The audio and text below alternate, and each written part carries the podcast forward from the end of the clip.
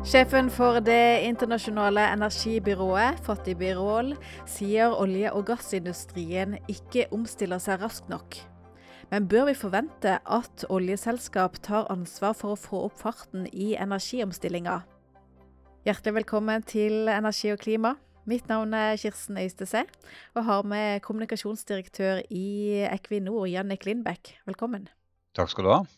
Du, På Equinors høstkonferanse denne uka så sa sjefen for det internasjonale energibyrået Fatih at uh, olje- og gassindustrien ikke omstiller seg raskt nok.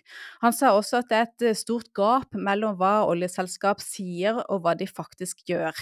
Og Vi skal jo snakke om Equinors omstilling til et bredt energiselskap, og da må vi spørre, har IEA-sjefen rett? Han har rett i at uh, energiomstillingen går for sakte. Og jeg er helt enig i at uh, de tradisjonelle olje- og gasselskapene har et stort ansvar for å bidra til å fremskynde den omstillingen. Um, så den, den, beskrivelsen han gir er jo ganske treffende. Uh, og det kom også frem på vårt arrangement denne uken at vi holder ikke egentlig på med en energiomstilling ennå. Vi legger til ny energi eh, til den vi allerede produserer. Eh, men eh, det er ikke slik at det i dag eh, kommer ny energi som erstatter olje og gass eh, i energimiksen. Og det er jo det som er problemet. Men er det riktig å forvente at det er olje- og gasselskapene som skal ta ansvar for å få høyere fart? Ulike selskaper har litt ulike, ulike strategier eh, i forhold til hvilken rolle de ønsker å ta i omstillingen. Det finnes jo de som er rene olje- og gasselskaper, og som har en plan om å fortsatt være det.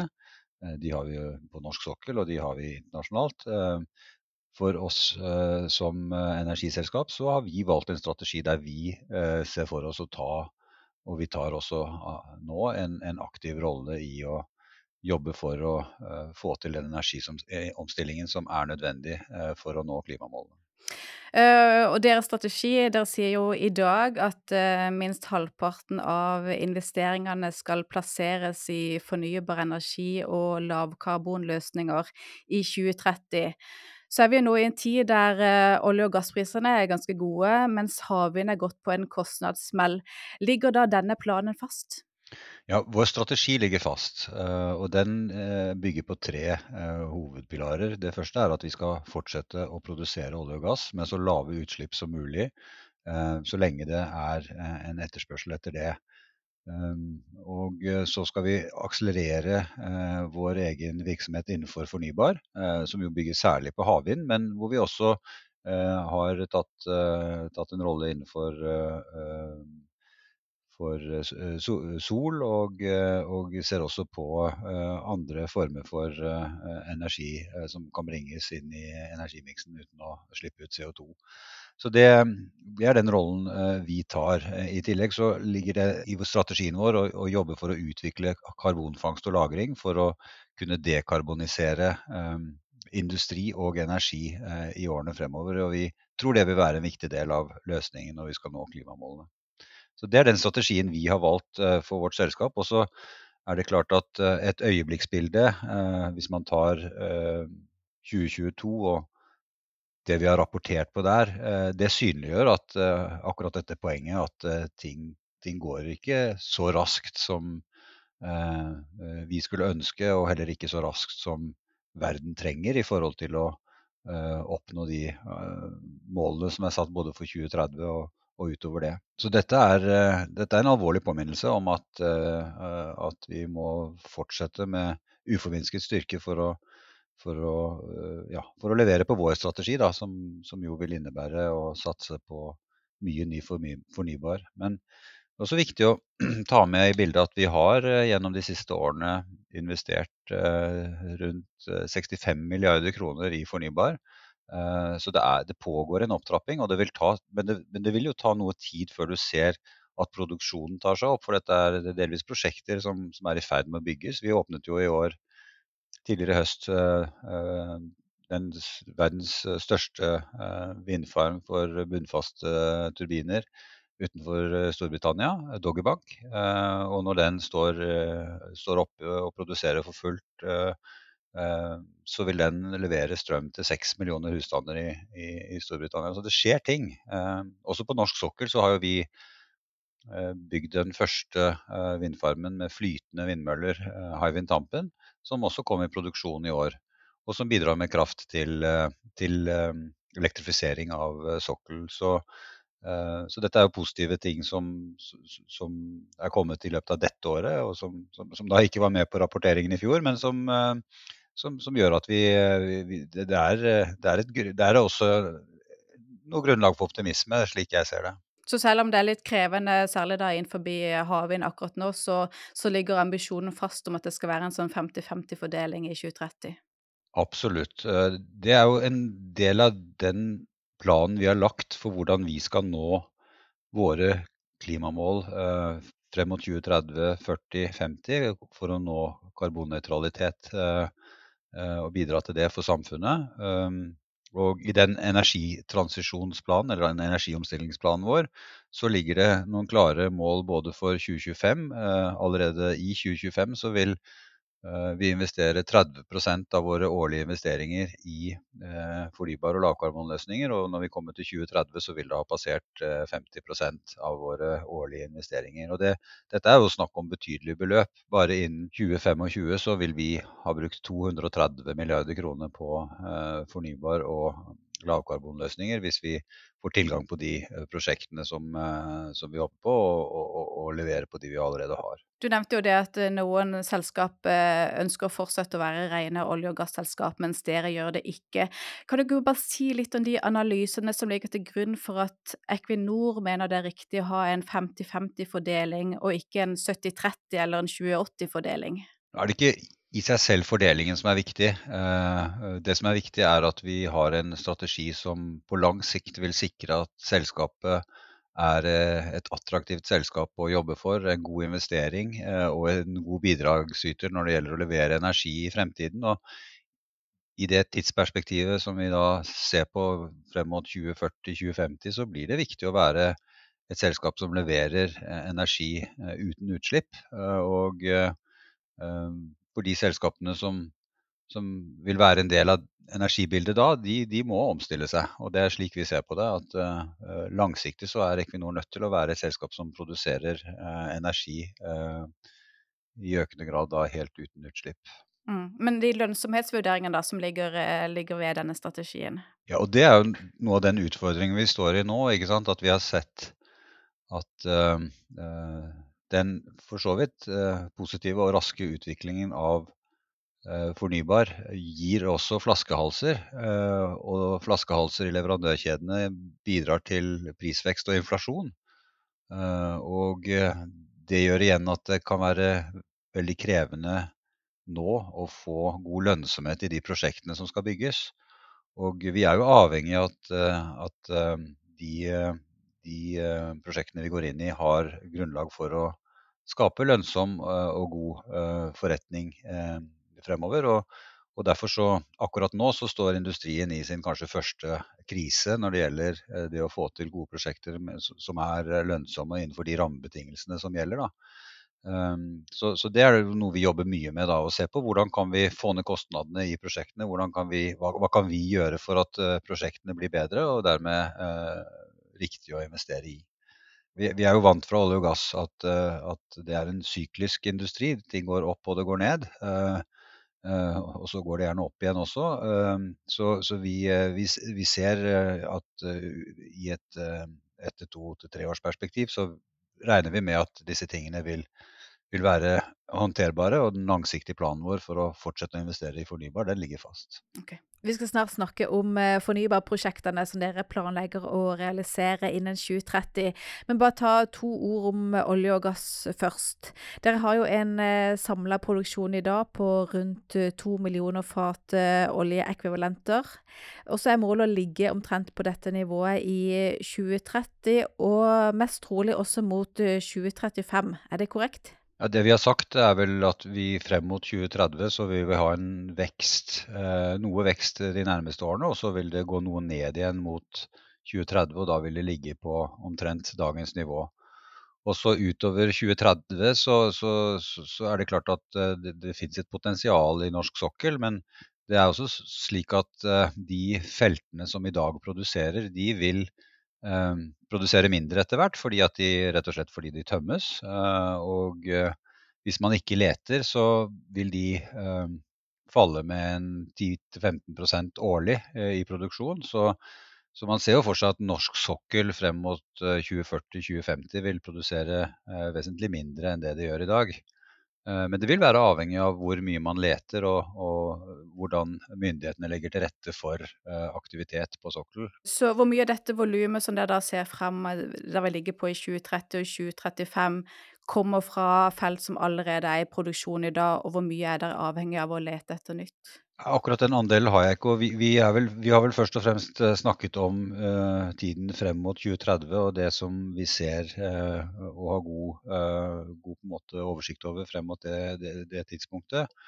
Og de, den viktigste delen av den produksjonen kommer fra eksisterende felt. Men det er samtidig slik at etter hvert som feltene tømmes, så så for å kunne utnytte den infrastrukturen som det er investert i, så er det veldig hensiktsmessig å lete etter forekomster som ligger nær eh, eksisterende felt og installasjoner, eh, for å kunne knytte dem til eh, installasjonen og dermed produsere dem med både lave utslipp og, og, og også lav finansiell risiko. Da, for det er gjerne forekomster som kan settes i produksjon eh, rimelig raskt, f.eks. i løpet av ett, to, tre år. Eh, og sånn sett eh, også være lønnsomme eh, på ganske kort sikt. Og Klimautvalget 2050, som har fått en del oppmerksomhet, som la fram sin eh, offentlige utredning eh, relativt nylig, de anbefaler jo at Norge begrenser letetillatelser der det ikke er infrastruktur. Altså man kun leter der det i dag finnes infrastruktur. Hvilke konsekvenser ville det hatt for, eh, for dere? Nå er det jo slik at vår letestrategi eh, er eh, i hovedsak rettet inn mot nettopp de forekomstene som ligger i tilknytning til eksisterende installasjoner og infrastruktur. Og det er, er, der vi ser det største potensialet. Norsk sokkel er jo en moden eh, provins, som vi kaller det. Og sånn sett er ikke forventningene til at man skulle kunne finne et nytt Sverdrup eller et nytt Troll eh, så store. Så derfor så, så, er det jo eh, i all hovedsak det å, å finne de forekomstene som ligger nær eh, den aktiviteten som allerede er på sokkel, da, som, som, vil være det som uh, er, er, vesentlig for å holde produksjonen der den er i dag. Da. Betyr det da for Equinor at det ikke ville hatt store konsekvenser?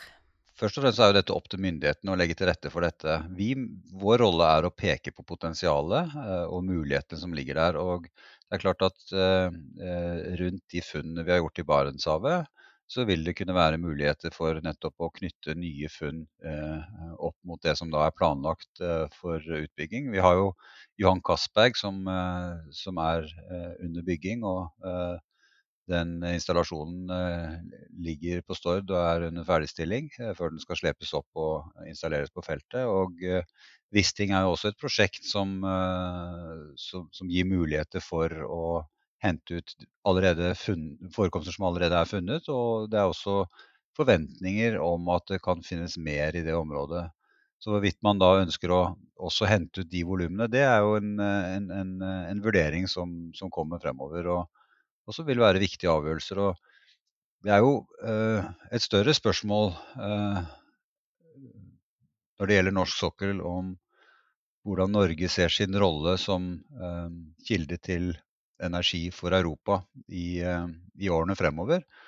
Og eh, om det vil være etterspørsel etter eh, den energien vi kan produsere fra norsk sokkel. og i så fall om Norge skal, skal stå ved den rollen som vi har hatt, og som jeg tror vi fikk demonstrert veldig klart i fjor, eh, er en viktig rolle. Og, eh, og også med det geopolitiske bildet med så mye spenning og usikkerhet som det er i verden nå, eh, verdien av å ha tilgang på de energiforekomstene som ligger på norsk sokkel for Europa i de nærmeste ti årene, da, når det allikevel vil være behov for olje og gass i energimiksen. Ja, Betyr det at du mener at hvis vi skal ha den rollen, så, så må vi fortsette å leite også type Barentshavet nord og i mer umodne områder? Nå er ikke Barentshavet nord noe som er, har vært høyt prioritert fra industriens side. Jeg tror Uh, industrien konsentrerer seg om det som er uh, allerede åpnede områder, uh, og ser på potensialet der først og fremst. det som jeg hører at klimautvalget uttrykker rundt en letestans, eller en letepause, er vel også noe de tar til orde for. jeg tror det er uklokt, fordi at det vil begrense muligheten til å knytte eh, de eh, forekomstene som ligger nær eksisterende felt eh, inn for produksjon. Og da går man glipp av viktig energi som markedet trenger, og som Norge vil ha stor verdi av å utvinne. Mm. Men det er bare det å forstå om de som ikke ligger nær infrastruktur, om det gjør noe å si her leter vi ikke lenger? Det er jo en avgjørelse som, som, norske myndigheter må ta i forhold til om Absolutt, men, men for industrien sin del, altså for dere som den største aktøren på sokkelen, ville det, ville det vært Ville det hatt stor betydning? Det kommer jo an på hvilket potensial det er i de områdene som eh, eventuelt eh, da skal gjøres tilgjengelig, i tillegg til det vi allerede har eh, tilgang til. For oss så er jo det denne, disse TFO-rundene som har vært det vesentligste for oss de seneste årene. Og det gir nettopp den muligheten vi trenger for å kunne lete der vi ser at potensialet er størst. Da. Og så er det innenfor Barentshavet i det som er åpnede områder, som er interessant for oss. Men du vil ikke si helt eh, klart ja eller nei til å sette en sånn grense og utelukke leiting i områder hvor det ikke er infrastruktur i dag? Nei, det er, det, er, det er viktige spørsmål, og, men det er også kanskje først og fremst et, et, politisk spørsmål knyttet til forvaltningen av av ressursene og ressurspotensialet på norsk sokkel, som, som, ikke alene er noe som eh, vi tar stilling til. Men vi kan være med på å, å, å se på det og peke på et eventuelt potensial. Og, og, eh, og eh, vi, vi, søker jo på areal i de rundene som, som går. TFO-runden som kommer nå med tildeling i januar, har vi jo søkt. Og, og vil jo fortsette å, å forholde oss aktivt til de, som, nei, til de mulighetene som myndighetene legger til rette for. Energiomstillinga går for sakte, og verden er i dag ikke på vei til å nå eh, målene i Parisavtalen. Vil Equinor derfor la være å bygge ut eh, lønnsomme oljeressurser av hensyn til et eh, karbonbudsjett som er i ferd med å bli brukt opp, hvis vi skal nå målene i Parisavtalen? Vi vil absolutt vurdere utslippsprofilen utslippsprofil på, på, vår portefølje etter hvert som vi utvikler den og etter hvert som vi foretar våre investeringer. Og vi har jo i vår energiomstillingsplan eh, satt rammer for hvordan vi skal utvikle eh, eh, selskapet og den energien vi produserer. Så, så, så det, den, den, den, gir noen klare føringer eh, for hvordan vi eh, kommer til å produsere energi i fremtiden. Og det med, skal være med stadig lavere utslipp. Eh, og at, eh, at, det vi kaller karbonintensiteten i vår energi eh, skal gå mot netto null. Og det betyr at, at vi også må bidra med å fjerne CO2 gjennom karbonfangst og -lagring, slik at, slik at, vi medvirker til at andre også kan fjerne utslipp fra, fra sin virksomhet. Og det, er jo en type aktivitet som vi eh, tror vil bli veldig viktig fremover. Da. Men når dere investerer i et nytt felt og vedtar en utbygging, gjør dere da vurderinger om den produksjonen, om det er plass til å brenne det da som produseres innenfor et karbonbudsjett som er i tråd med 1,5-gradersmålet? Vi, vi, forholder oss jo til, uh, til uh, ambisjonene om å nå halvannengradersmålet i, i måten vi utvikler selskapet.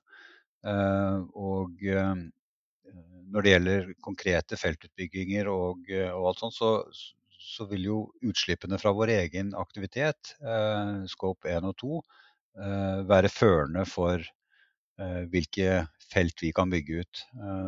Så er det jo mer komplisert når det gjelder Scope 3, som er utslipp fra bruk av våre produkter, eh, og eh, hvordan vi som selskap skal kunne bidra til å redusere utslipp fra bruk av våre produkter. Det, da er vi tilbake til, til karbonfangst og -lagring og, og, de mulighetene som ligger der, og, og, hvordan det også kan medvirke til å skape utslippsfri energi da, gjennom hydrogen og, og, og den type ja, energibærere. Men per i dag så er ikke Scope 3-utslippene noe som vil stoppe et ellers lønnsomt prosjekt?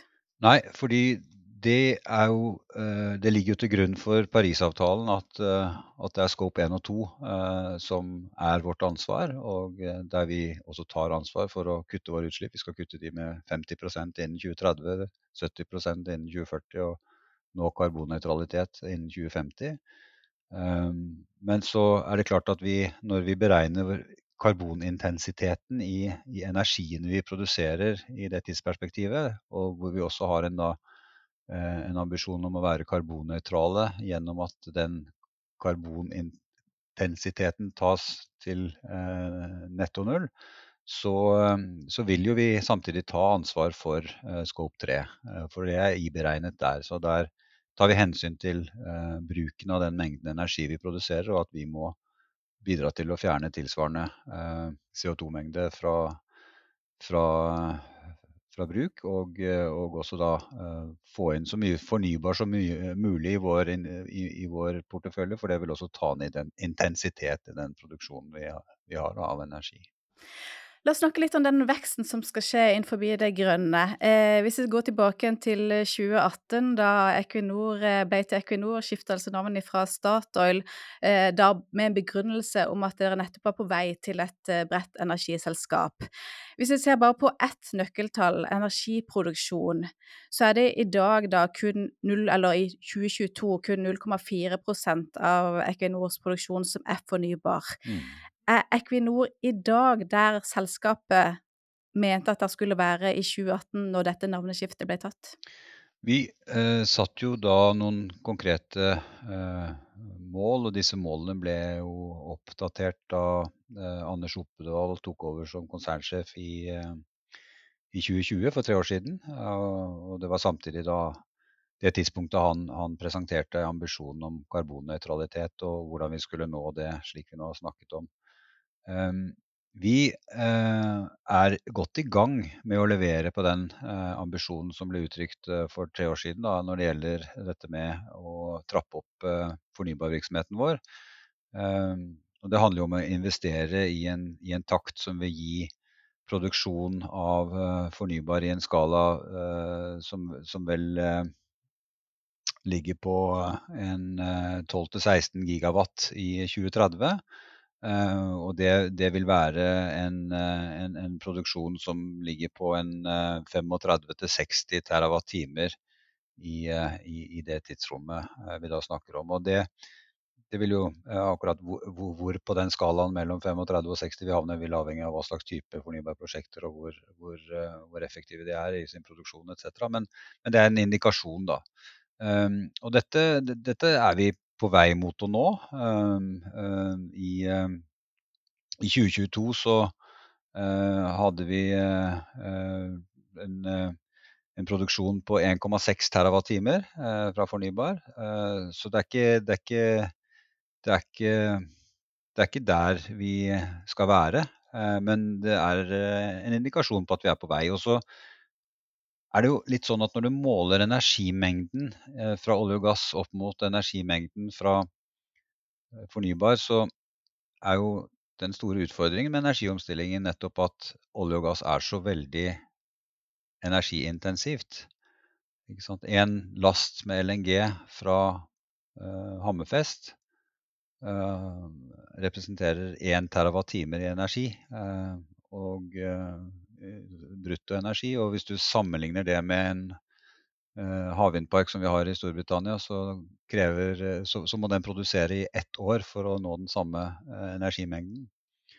Nå er det en havvindpark fra 2012, så det er ikke den mest potente vi har. Men allikevel det er en illustrasjon på den utfordringen vi står oppe i da, når vi skal endre dette energisystemet fra å gå til en i hovedsak energikilder da, eh, som, som, er veldig energiintens, eh, som olje og gass og kull, eh, til noe som er vesentlig mindre energiintens. Så vi må ha veldig mye mer av den nye kilden sammenlignet med den gamle for å kunne matche energiproduksjonen. Altså det vil ta tid før selv om vi investerer 50% av våre årlige investeringer i fornybar, så vil ikke det representere 50% av energien vi produserer. Eller? Nei, det er jo som sagt 0,4 i dag, og det er jo måten dere regner det på. Det er ikke mine tall, det er deres egne tall og, og beregninger. Ja, absolutt.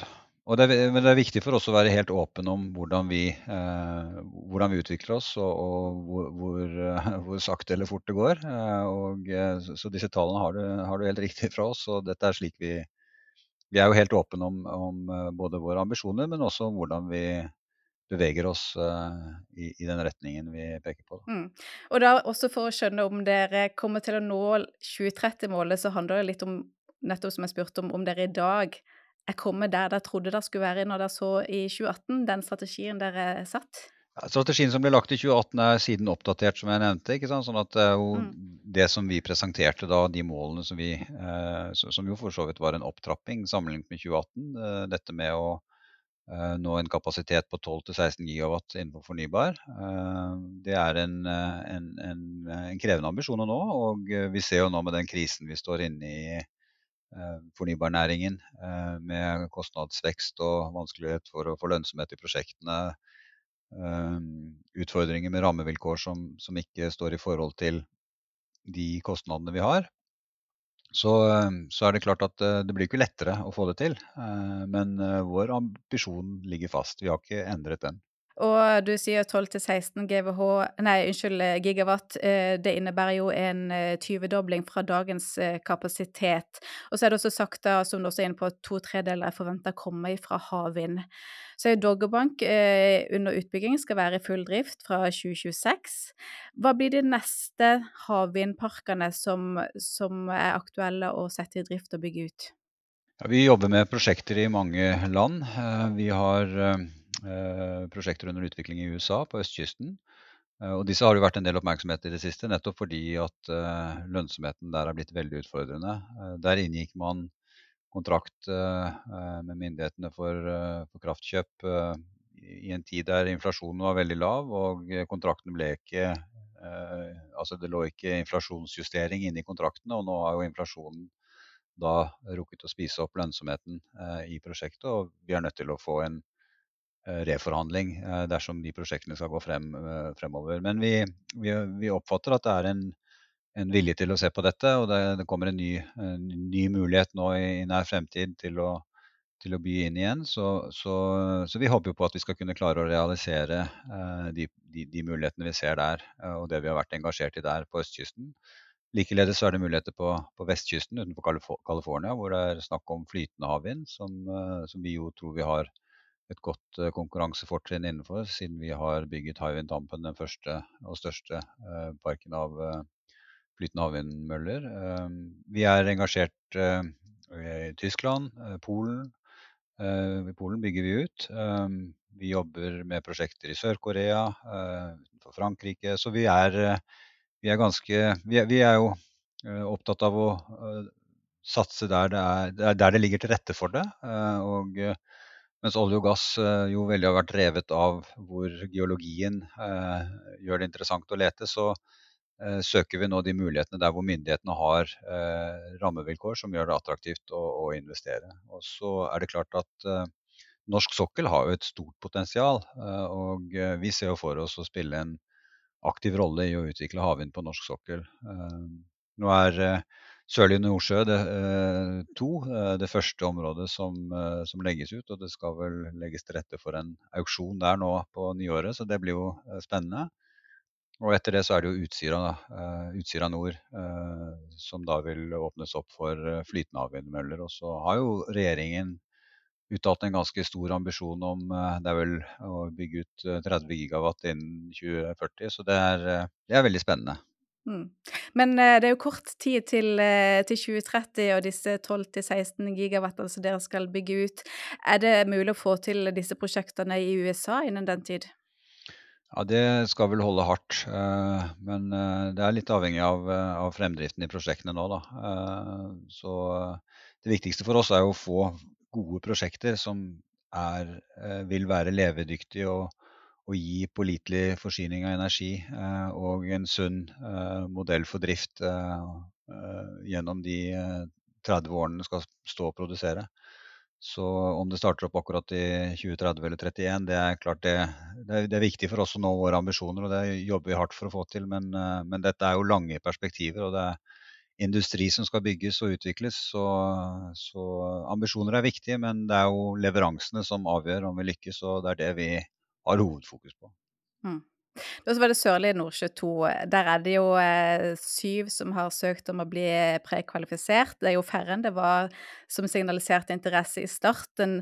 Og de fleste aktører sier jo at det er krevende å se at dette prosjektet kan bli lønnsomt med de rammevilkårene som ligger der i dag. Klarer dere å se det?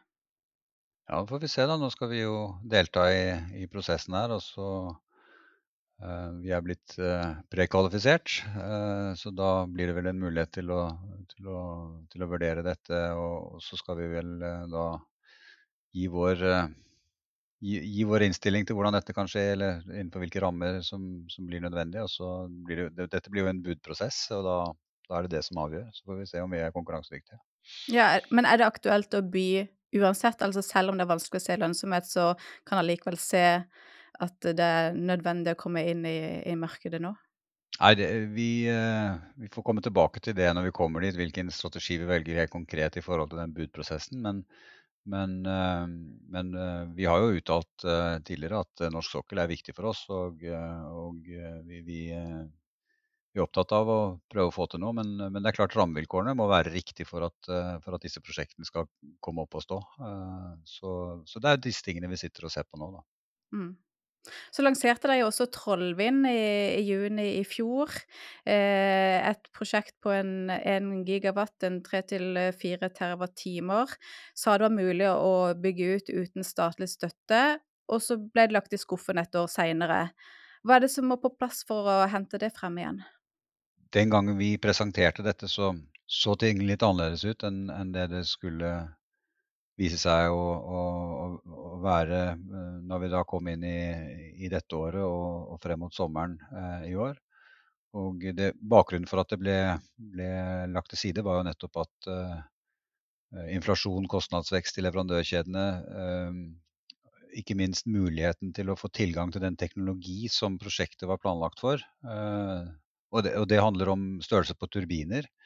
Ehm, eh, var endret. Forutsetningene for det var endret. Slik at, eh, at, det som i utgangspunktet var planen for prosjektet når det gjaldt både kapasitet og, og, eh, og muligheten for produksjon, endret seg samtidig som kostnadene gikk alle veien. Og da ble det rett og slett ikke et lønnsomt prosjekt som vi kunne gå videre med. Men ser dere på det, eller er prosjektet lagt dødt sånn som det er nå?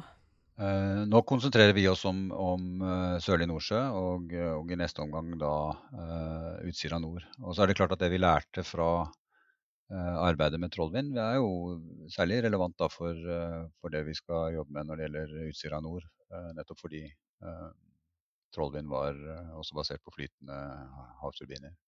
Mm. Eh, et siste tema som jeg har lyst til å komme inn på, for det er jo som, eh, som strategien deres viser, så er det jo innenfor havvind der spesielt satser eh, når, når, det er på det, det, fornybare.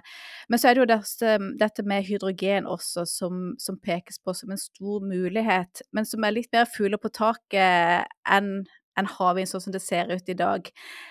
Er det realistisk for, for dere å produsere blått hydrogen i Norge innen 2030? Det kan være realistisk, men det vil avhenge av infrastruktur, slik vi ser det. Og når jeg sier infrastruktur, infrastruktur så tenker jeg først og fremst på et rør til eh, kontinentet med mulighet for eksport av blått hydrogen. Og det, dette er det jo inter, liksom, interesse for. Um, vi har vært gjennom en tid hvor Tyskland har eh, snudd 180 grader i forhold til deres holdning til karbonfangst og -lagring, og også til eh, blått hydrogen. Ehm, de ser verdien av å få blått hydrogen inn i energimiksen, slik at det kan åpne opp for mer grønt hydrogen etter hvert, som eh, eh, overskudd av fornybar kraft eh, gjør det mulig å produsere mye grønt hydrogen. Så, så, så dette er jo interessante perspektiver. og vi tror jo at det nettopp vil være verdifullt for Norge og for norsk industri og for norsk teknologiutvikling og, og kompetanse at vi etablerer produksjon av blått hydrogen i Norge for eksport gjennom, eh, gjennom rør til kontinentet. Eh, men det, det, det, det, krever store investeringer, og, og, da må vi også ha forutsigbarhet for at det finnes et marked. Så, så, Derfor så jobber vi også med tysk industri for å se på mulighetene de har for å, for å nyttiggjøre seg av en slik investering i infrastruktur. Uh, vi tror jo at hydrogen kan bli en veldig viktig kilde til å dekarbonisere særlig uh, den delen av industrien i Tyskland som er vanskelig å elektrifisere, fordi at de trenger den energiintensiteten som ligger i, i, dag, i, i dag i naturgass, men i fremtiden da i hydrogen.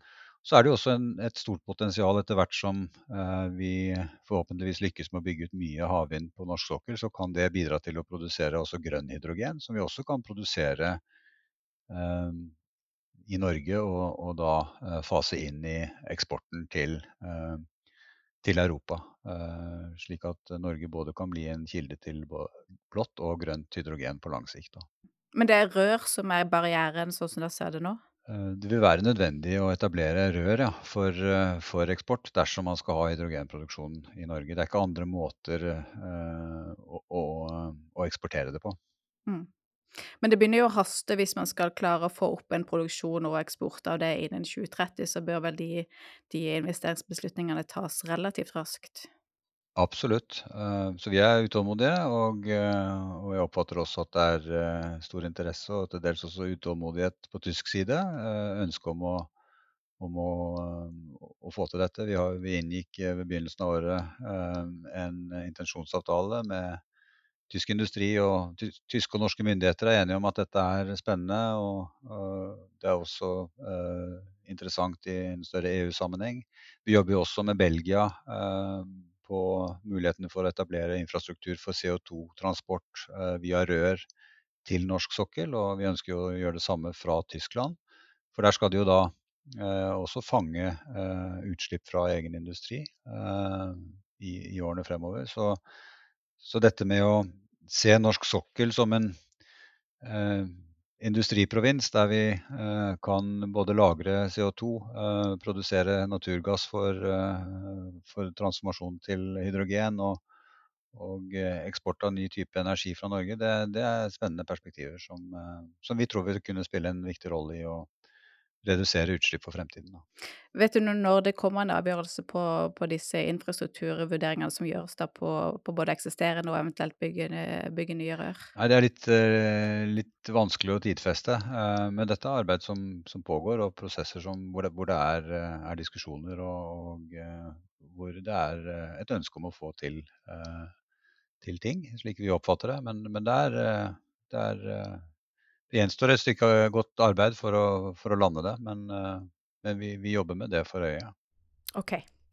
Med den eh, strategien som eh, Equinor har i dag, så kan altså Equinor ha en fornybar energiandel på en 7-12% av den totale energiproduksjonen når vi kommer til 2030. Er det tilstrekkelig til å ta den posisjonen som dere sier at dere ønsker å ta, nemlig å være et ledende selskap i eh, det grønne skiftet?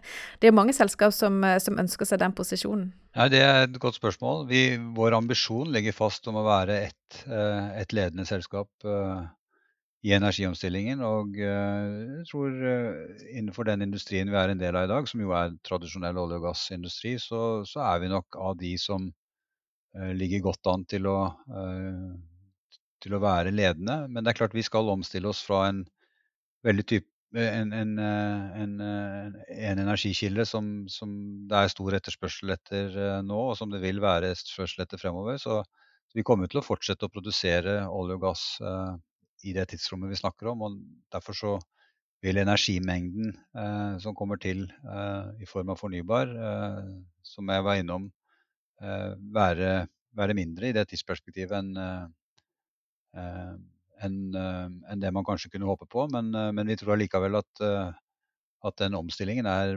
riktig og viktig for selskapet, og det vil gi et bidrag til både utvikling av teknologi, løsninger og, og muligheter for fremtidig eh, energi som eh, kan komme uten utslipp. Mm. Du, Janne Klindbæk, da sier tusen takk for praten. Så er vi mange som følger med på, på både dere og andre selskap om dere faktisk leverer og ikke bare snakker. Ja, og det er veldig viktig. Derfor så prøver jeg også å være påpasselig med å snakke om betydningen av, av olje og gass, slik vi ser det i det perspektivet vi, vi her, her, her, jobber med. Det er en viktig energikilde dette tiåret og kommer til å være det også neste tiår. Men så, så, vil vi jo se etter hvert at nye energikilder vil erstatte olje og gass. Og da, da, skal vi være der og være de som bidrar med, med den energien som Europa og verden trenger. Fint. Tusen takk for at du var med i podkasten vår. Takk skal du ha. Takk for at jeg ble invitert. Takk også til du som lytter på.